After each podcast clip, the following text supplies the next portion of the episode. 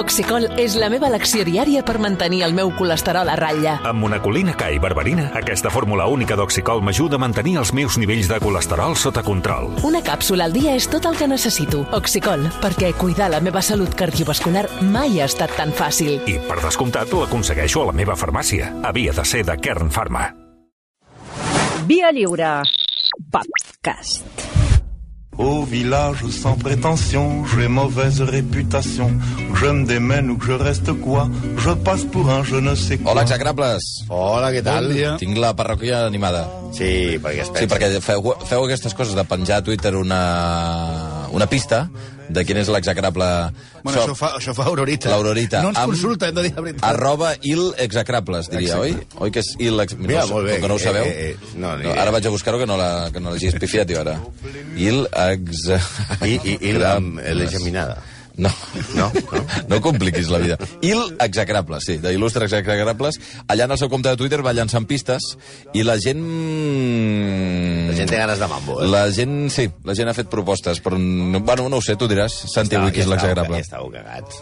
Eh? Estàveu cagats. De També què, la eh? ràdio, també tu. Jo, però voleu eh, apuntar el que Presi, voleu dir? president del CIO, tothom pensa que parlarem Del de... COI. No, es diu CIO. Es diu Cio? Sí, no, no diguis coi perquè... Què passa? No es pot dir COI? S'emprenyen molt perquè és, és, és Comitè Internacional Olímpic. Ah, Sí, sí, sí. No, però, però aquestes coses es tradueixen, no? no. no Com l'OTAN, que és NATO veure, en anglès, Ara veurem no? que eh, el CIO, el COI, Sí. el Comitè Olímpic, Sí. tampoc és que sigui... Eh, eh, és la reunió dels tipus més malvats de la Terra. O sigui, Carai. És l'esquadró suïcida de, de l'esport. Sí, és el Joker, Lex Luthor, eh, Pol Pot i gent d'aquesta, no? Eh, però no... O sigui, ja ho diem, Anna. No és samaranc, encara. Oh. Ah, encara? Encara. Encara. Començarem per un pitjor que ell. Sí, comparat amb Samaranc, ja pots respirar. Sí, sí. Comparat amb Samaranc, la perso- o sigui, Samaranc seria Blai Morell, que és la persona més bona del món, comparat amb el... Amb... Aquí, per cert, deixa'm enviar-li una abraçada ben forta avui al Blai Morell, que no el tenim aquí amb nosaltres per qüestions personals, i, i fi, li enviem també una, una abraçada. gran Una abraçada molt forta, Blai. Clar, per, perquè eh, el que parlem avui, comencem pel, pel, pel més heavy, el, el més... El, el primer que va començar a dir que això de... Quan us diguin que, la, com deia el personatge d'avui, que la política i l'esport no tenen res a veure, fugiu corrents. Això és com diuen, jo no sóc racista, però... O eh, sóc apolític. Eh, no, són, són, són els pitjors. Són els pitjors perquè pensen exactament el contrari. El personatge d'avui és màxim mandatari a l'esport mundial, president del CIO, i és una de les pitjors persones relacionades amb el món de l'esport. I mira que ja Oh. que, que el nivell ja està Oh, oh, oh. molt baix, eh? Un tipus envejós, acomplexat, racista, superb, rancuniós, tirà, snob, malpare, masclista... Una sèrie de qualificatius que resumeixen en quatre lletres. Na-fi. I donem el tret de sortida a la carrera per entrar al club dels execrables amb tots els honors. Aquí va ser realment campió del latisme, president de la Federació Americana del Latisme, president del Comitè Olímpic Americà i president durant 20 anys del Comitè Olímpic Internacional. Avery Brundage. Oiga usted, no se ría de la bruja ara fem la bola de cristal? Ja, clar, perquè ara que tots els que han nascut als 70 estan tirant la llagrimeta sentint la bola de cristal, li estan donant la turra al vostre fill dient abans sí que es feien programes de veritat, no com ara, eh? pues això hem posat la, la buixa averia per averi, averia. Ah, clar. és així de fàcil. La bruja Ah, Avery. ah, només és per això, perquè es deia Avery Brundage, eh, eh, o Brundage, o com es digui. La bruja Bondes, Averia. bondes, que això que et lliguen i després... No, això és bondage, això és una altra cosa. Ah, com ho saps, eh? Home, perquè ho diu, sempre, ho diu, sempre ho diu, o ho deia en la competència, que deia allò de feu, no feu sents. Ara tota la culpa de la, culpa, de la Sí, clar, competència. la culpa és de... Bueno, el nostre heroi d'avui és la imatge No sé del... per què que parlo. el que vulguis, eh? Jo no sé per què parlo. Sí, no, sigues lliure, eh? A mi deixeu-me. No, bueno, el nostre heroi d'avui és la imatge del self-made man. Va començar sent fill d'una família benestant i va acabar sent escarosament milionari. Va ser un dels constructors més importants a Chicago, una mena de Núñez, però a lo De bèstia. Chicago. Ja, no n'hi ha de Chicago. El Núñez de Chicago. Era el Núñez de Chicago, exacte. Era el niño de la Puebla, el niño de Chicago. El, el fet és que La niña de la Puebla. Núñez Niño, el fet que fos família de congressistes republicans per Illinois, de membres de l'alcaldia i altres polítics, potser va tenir alguna cosa a veure en que la majoria de contractes municipals per construir vivendes, després de la Gran Depressió, anessin a la seva empresa. Vaya, vaya. Tot i que això és un altre tema. Ens dona una pista, ens dona una pista del tarannà del personatge. Però de, deixem un moment els negocis a part i centrem-nos en la seva vessant esportiva, que és el que hem vingut a parlar. Ja de ben jove, Brundage, o Bunda, Bondage, Bund, Bondoix. No, deixeu-me. Bondo, Bondoix. A mi deixeu-me. Bundoix! A mi deixeu-me. Bundoix, m'encanta. Va eh, practicar l'atletisme. I realment el tio era molt bo. Ah, sí? Sí, va ser tres cops campió d'Estats Units. A, de, a veure, tres cops eh, entre els anys mil, 1914 i 1918 que coincideixen amb la Primera Guerra Mundial. Hosti, però És a dir, quan qui tots havia- els bons atletes estaven mobilitzats i ell, per algunes influències que tenia, no, va anar... no va anar a la guerra? No, Vaya, no va anar. vaya. Però ell abans, era, era realment bo, va anar als Jocs Olímpics, va ser seleccionat per anar als Jocs Olímpics d'Estocolm el 1912. Practicava decatló i pentatló. Mm. Era bo, però no era el millor ni de bon tros. I això era una cosa que no podia suportar. No era l'estrella, cosa que no anava amb el seu caràcter. Perquè us feu una idea, Mourinho seria un home modest comparat amb Brundage. I Brundage va haver de competir i conviure a l'era d'un dels primers grans mites de l'atletisme de la història que el va eclipsar absolutament. El Pep Guardiola particular de Brundage es deia, i quedeu-vos amb aquest nom perquè tornarà a sortir al final, Jim Thorpe. Home,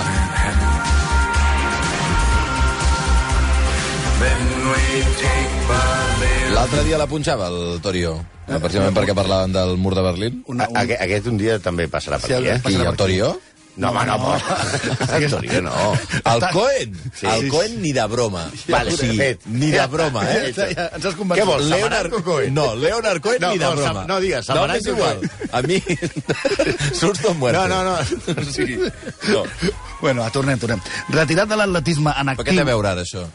Perquè Sí, vull dir, Leonard Jocs Olímpics de Berlín. Ah, de Berlín. Sí, sí. Val. Retirat de l'atletisme en actiu i dedicat, com dèiem, als seus negocis a acumular una fortuna astronòmica, Bundoix, no, Brundage, Brundage. Bundós. passa a ser, Passats. passa a Ah, ser també. Quina és la president, paraula clau per dir que ha parit? passa a ser, passa a ser eh, president del Amateur Athletic Union, on va anar trapant posicions fins a ser president del Comitè Olímpic Americà càrrec al que va accedir l'any 1928, just, que és just quan es preparen els Jocs Olímpics de Berlín del 36, que van acabar, van acabar sent organitzats per un tal Adolf Hitler a major glòria i propaganda del règim nazi. Cal recordar que Hitler era una d'aquelles persones que en públic també deia coses com que la política no ha d'influir en els esports. Sí, eh, ideològicament, eh, Bundoix... No, Brundage no. Avery de President del YouTube, Comitè Olímpic categoria Internacional. Po- ja. Políticament, eh. Brundage estava a la dreta de Hitler. No fotis, home. I va veure No amb gran satisfacció com el senyor del bigotet triomfava a Alemanya. Òbviament, més enllà de compartir petits detalls de la seva ideologia, com odi els negres, els jueus, els comunistes, a Brundage li agradava li, li anava molt bé amb Hitler a Alemanya. Al igual que un selecte grup de grans empresaris americans, que ja vam explicar en, un, en el en el cas quan van fer l'execrable de Rockefeller, Brundage tenia molts interessos econòmics amb el règim nazi. La seva constructora, en plan Florentino Pérez fent el tren de la Meca, era una de les que estava reconstruint Alemanya després de la Primera Guerra Mundial. Sí, sí, formava part, per exemple, d'una de l'Associació d'Amistat Germanoamericana i en un míting d'aquesta colla de simpàtics amics... Un- una bona gent. Una bona gent. Celebrat l'any 36 al Madison. Square Garden de Nova York va dir, obro cita, Hitler ha aconseguit una cosa increïble. Fa cinc anys, Alemanya era un país desmoralitzat i ara, gràcies a que estan units 60 milions de persones convençudes que amb la unitat de la seva pàtria tot és possible. No és una frase estreta del programa electoral de Vox, això no és Ortega Smith, Ni- això no és... això no- no és, eh, Sí, no són los, morte, los. Bellavista, no. Això és Bundoix. Brundage. Òbviament, la majoria de la gent no pensava com ell i veien que el que estava passant a Alemanya al 36 que és el que està passant aquí ara, òbviament, era quelcom preocupant i molt perillós i que potser fer uns Jocs Olímpics a Berlín en ple... Eh, en plena voràgine nazi, no era el més recomanable. Eh, De fet, tenia oposició a que se celebressin els Jocs de Berlín. fins i tot dintre de, dels Estats Units, Ah. eh, van demanar el boicot als Jocs de Berlín. O sigui, l'alcalde de Nova York, eh, que és el Míric Fiorello La Guàrdia, pels de l'ESO és l'altre aeroport, que no és el Kennedy, o sigui, ja La Guàrdia Sí. és, és L'aeroport de la Guàrdia és per aquest eh, que per, va ser perquè era alcalde. l'alcalde de Nova York, el governador de Nova York, el governador de Massachusetts, eren els principals defensors de que els Estats Units no anés als Jocs de Berlín. Fins i tot Ernst Lee Jack, únic membre dels Estats Units al CIO en aquella època, era favorable a boicotejar els Jocs de Berlín i que no anessin als Estats Units.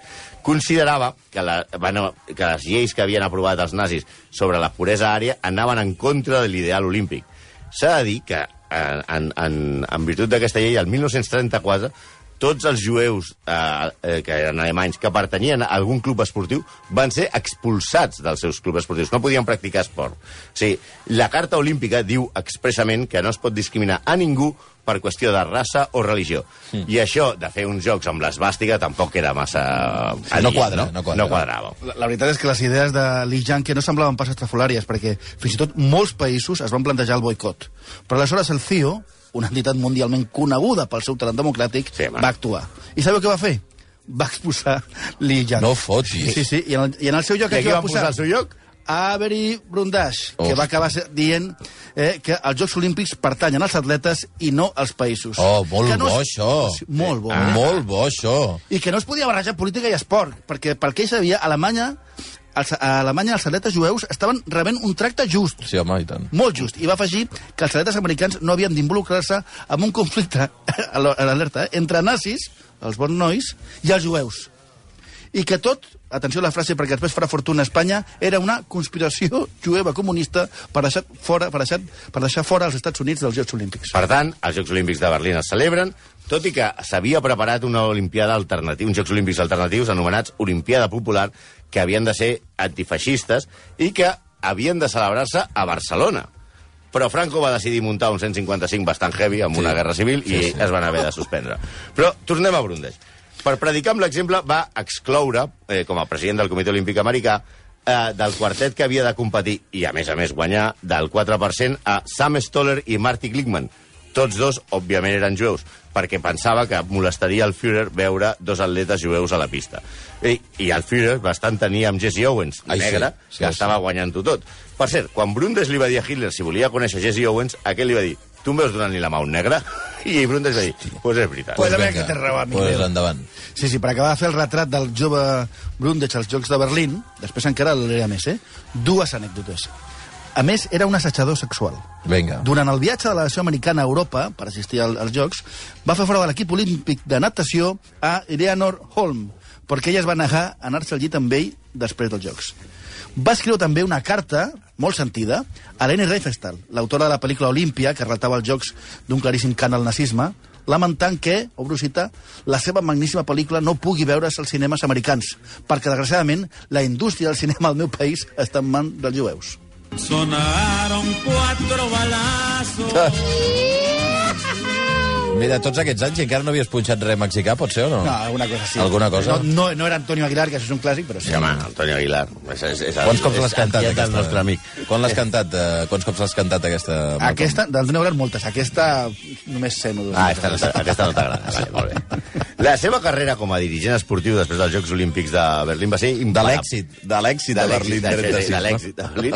I el 1952 és triat president del Comitè Olímpic Internacional. aquí encara no era no, president. era president del Comitè Olímpic Americà. Ah, ah, ah. Després és triat president del Comitè Olímpic Internacional.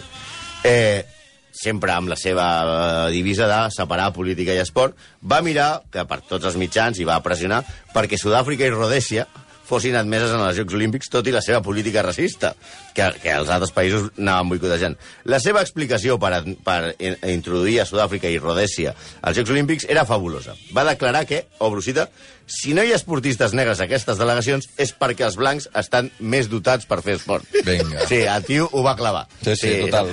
Vamos. els blancs són superiors. No, no, els blancs Era- són superiors en atletisme sense cap tipus de dubte. Bueno, a més a més, és que era, de, de, a més de racista, era molt masclista. Sempre es va oposar a la facilitar la, la participació de les dones als Jocs perquè sospitava que les esportistes, això és molt graciós, eren homes disfressats. I Com? defensava... Sí, va dir, men in disguise. Sí, sigui, eren in disguise. Eh, o sigui, era, eh, ell pensava que quan veia una dona competint... A... Era un home que feia... Era un home que s'havia posat algun... Travestit, s'havia depilat una mica. Ja, ja. I, I a més deia que... No, no, Eh, un autèntic, de Maire. una, un autèntic home, en fi, evolucionat, eh? Molt evolucionat. Però un clàssic. Res a veure amb les cavernes, eh? Sempre aquesta gent té una justificació històrica i defensava que la tradició clàssica dels jocs antics eh, grecs deixava a les dones Clar. fora dels jocs. Clar, I també si la- esclaus i pederàstia... Si ho patades diu la de caca tradició, de per tots què ho els has de nens. tocar, no? Ah, però el gran hit després de Berlín, de la seva presidència del Comitè Olímpic Internacional, va ser durant els Jocs Olímpics de Mèxic el 1968. Correcte. Cap aquí ve la música o no? Exacte. Val. Si ja Hem trigat a pensàveu arribar-hi, que eh? era un miserable pel que va fer a Berlín No 36, puges, home, que no cridi. Com es diu? Antonio Aguilar. Aguilar, no Antonio, cridis. calla. No xilles. Antonio. El que va fer 32 anys després ja va ser de traca. Contextualitzem, eh? Any 68. Sí. Els Jocs Olímpics es celebren sis mesos després de l'assassinat de Martin Luther King. A Mèxic, sí. A França hi ha la revolució aquesta del 68 universitària que estaven tots els catalans allà. Correcte. Els tancs russos entre, havien entrat a Praga. I a Mèxic mateix, 10 dies abans de la inauguració dels Jocs, l'exèrcit dissol a trets uns aldarulls petits, eh, principalment eren una manifestació d'estudiants a la plaça de les Tres Cultures de Tatecoco, en la que moren 250 persones. Mare meva. Com és la Sempre- plaça? Com, com és? La... Tres cultures. No, no, però La- tate, tate loco? Com, Tato com es diu loco, això? tato loco. Com es diu això, Malcolm? No, no, seria tlate, lo- tlateloco, però tlatelolco. Tlate Lolco. lolco. És igual, de les Tres Tlatelolco, però m'agrada això de tate loco. Eh, de les 250 persones que van morir, eh, no hi havia policies, tot i que tenia, van rebre mirades d'odi i coses d'aquestes, eh? Bé, abans de Si començar... ara feia... 15, faltaven 15 dies. 10 per- dies. 10 dies 10 per dies. Els Jocs s'inauguren el 12 Buah. d'octubre, el dia 2 d'octubre és la matança a la plaça. Abans de començar els Jocs, arran d'aquests eh, incidents, incidents, matança, Brundage escriu una carta a Pedro Ramírez Vázquez, el president del comitè organitzador dels Jocs, en el que li diu, obro cometes, hem de prendre mesures per tal d'evitar qualsevol incident que posi en dubte la dignitat dels Jocs. Qualsevol atleta que faci alguna manifestació serà enviat a casa. Ho deia perquè, per exemple, en aquella època, Karim Abdul-Jabbar, que no es deia Karim Abdul-Jabbar, es deia Lew Alcindor, va refusar formar part de la selecció de- d'Estats Units de bàsquet per, per, per qüestions polítiques. Sigui, amb aquest ambient comences els jocs que tenien com a lema los Juegos de la Paz. Hombre, Mai millor dit. perfecte. I, el, I arriba el dia de la final dels 200 metres llissos. Els grans favorits eren nord-americans. Perdó. Tira de pollo.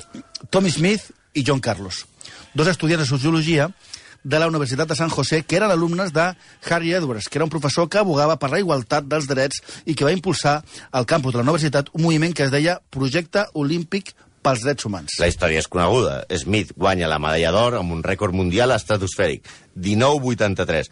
Rècord que no va ser superat fins als Jocs de Los Angeles del 84 per un tal Carl Lewis, també negre. Vull dir, eh, com ja veieu que el Brundage tenia tota la història. Per cert, Smith i Carlos eren negres, eh? Mm -hmm. eh, eh L'australià Peter Norman va quedar segon i John Carlos tercer. Abans de la final, els dos atletes americans ja van dir-li al cap de la delegació americana que no volien de cap manera que Brundage els hi lliurés les medalles en cas de guanyar, tal i com estava previst en el protocol de, de la cerimònia d'entrega. Brundage, que era a l'estadi, quan Sí. es va assabentar que aquests no volien veure, va marxar de l'estadi i no va veure ni la carrera ni una escena que és un, una icona del, de la història mundial. Que se gana es ser millonaria. Home, O sigui, la, el primer cop que posem Rosalía. sí. Excel·lent cançó, excel·lent tria, d'altra banda.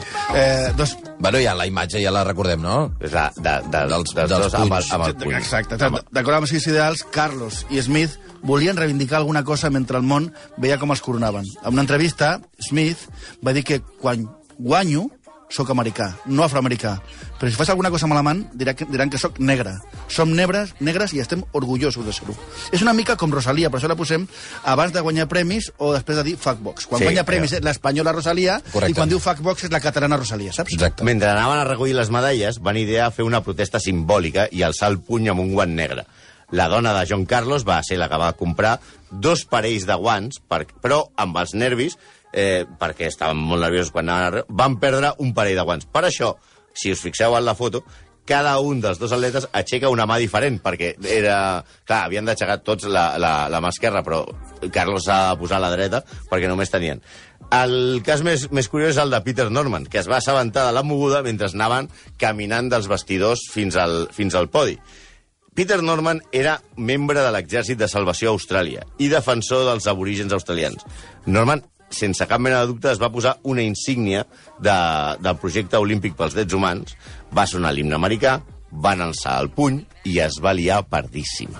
Perdíssima, perquè Brundeix de seguida va denunciar els dos atletes per la seva mentalitat retorçada. Però ell no ho va veure. No, No. però Li van explicar, no? Sí, li van explicar bastant bé. I parlar de desagradable manifestació en contra de la bandera americana per part d'un parell de negres. Això és literal, eh?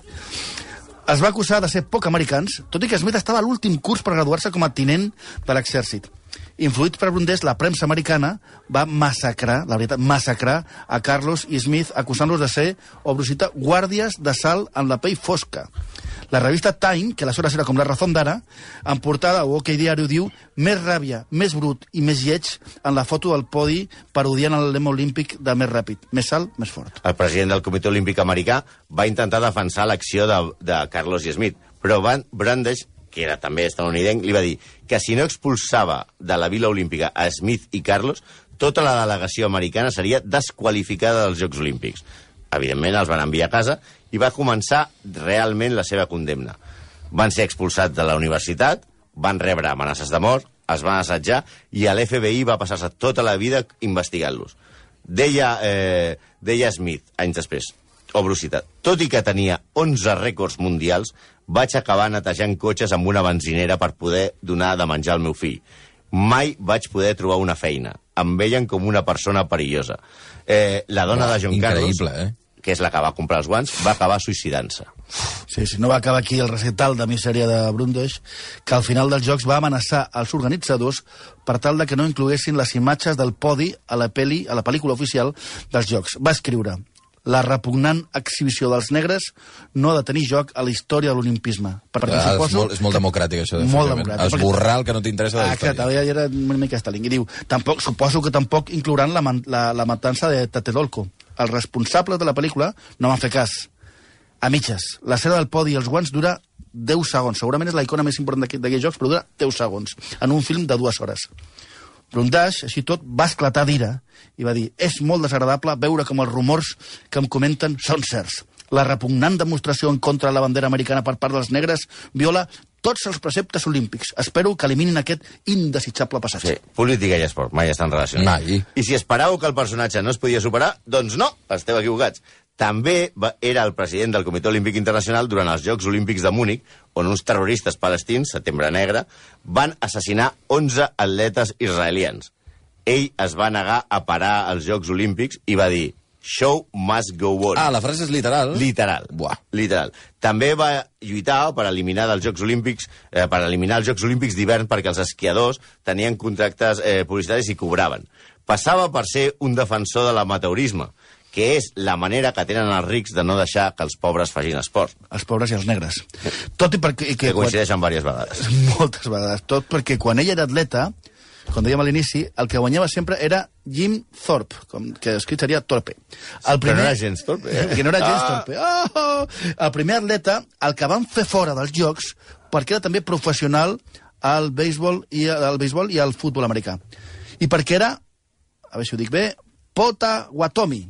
Va créixer en una reserva índia i en realitat es deia Watohuk, que vol dir el que guanya sempre el fill de puta. I això, el cretí que va fundar el club, el club de golf eh, de Santa Bàrbara, on no podien entrar ni els negres ni els jueus, el molestava bastant. I, a més a més, per si faltava alguna cosa, era un desgraciat també com a pare de família. Sorprenent, eh? Va tenir dos fills fora del matrimoni, els que mai va reconèixer. Però els que va mantenir, passant-los una pensió, únicament eh, per la seva educació, a canvi, per contracte, de que no portessin mai el seu cognom. Bon. Quan va morir, la rata aquesta de Brundage es va deixar en herència 62.000 dòlars. Però, clar, tenia 19 milions al banc. Increïble. Per cert, va morir a la seva estimada Alemanya el 1975, després d'haver-se casat amb la princesa Catherine Stephanie von Reus. Hi ha moltes princeses a Alemanya, eh? Sí. Ell tenia 85 i ella 47. La va conèixer l'any 55 i venia d'una família, òbviament, de nazis. 11 i 2 minuts, doncs mira, avui... Ara ha començat el, el tema. Ara ja començaran presidents del Comitè Olímpic Clar, Internacional. ja, ja, ja, al ja. final, no? Però sí, I ja estarem tants, tots, no? Bueno, però això és, això, això és per de, de cara, això que és de cara als Jocs Olímpics de, de Tòquio. Sí, sí, sí. És- Leonard Cohen no comenceu, comenceu d'hora. Leonard Cohen. Les, les 11 i 3 minuts. Avui, Avery Brandish, que per cert són uns, uns males peces. Em comunica, perdona, m'estan m'han enviat Sí. un missatge de, de YouPorn que ja han fet una categoria Bundosh. Sí, no, hi ha, hi ha el Jordi que ens ha enviat, que ara hi ha oients que començaven a sol·licitar quina era efectivament la paraula, eh, la paraula clau en qualsevol sessió de bondage. Eh, i De bondoix. De, el que sigui. Diu, no, no sigui via lliure, perquè clar, pot, donar, clar, con- pot generar confusions, en certa manera, no? Si dius una cosa, dius l'altra. És Torrons Vicent? No. bueno, en fi, eh, execrables, gràcies. Eh? Ala. Adéu. Adéu amb Déu. Sauf les aveugles, bien entendu. 11 i 3.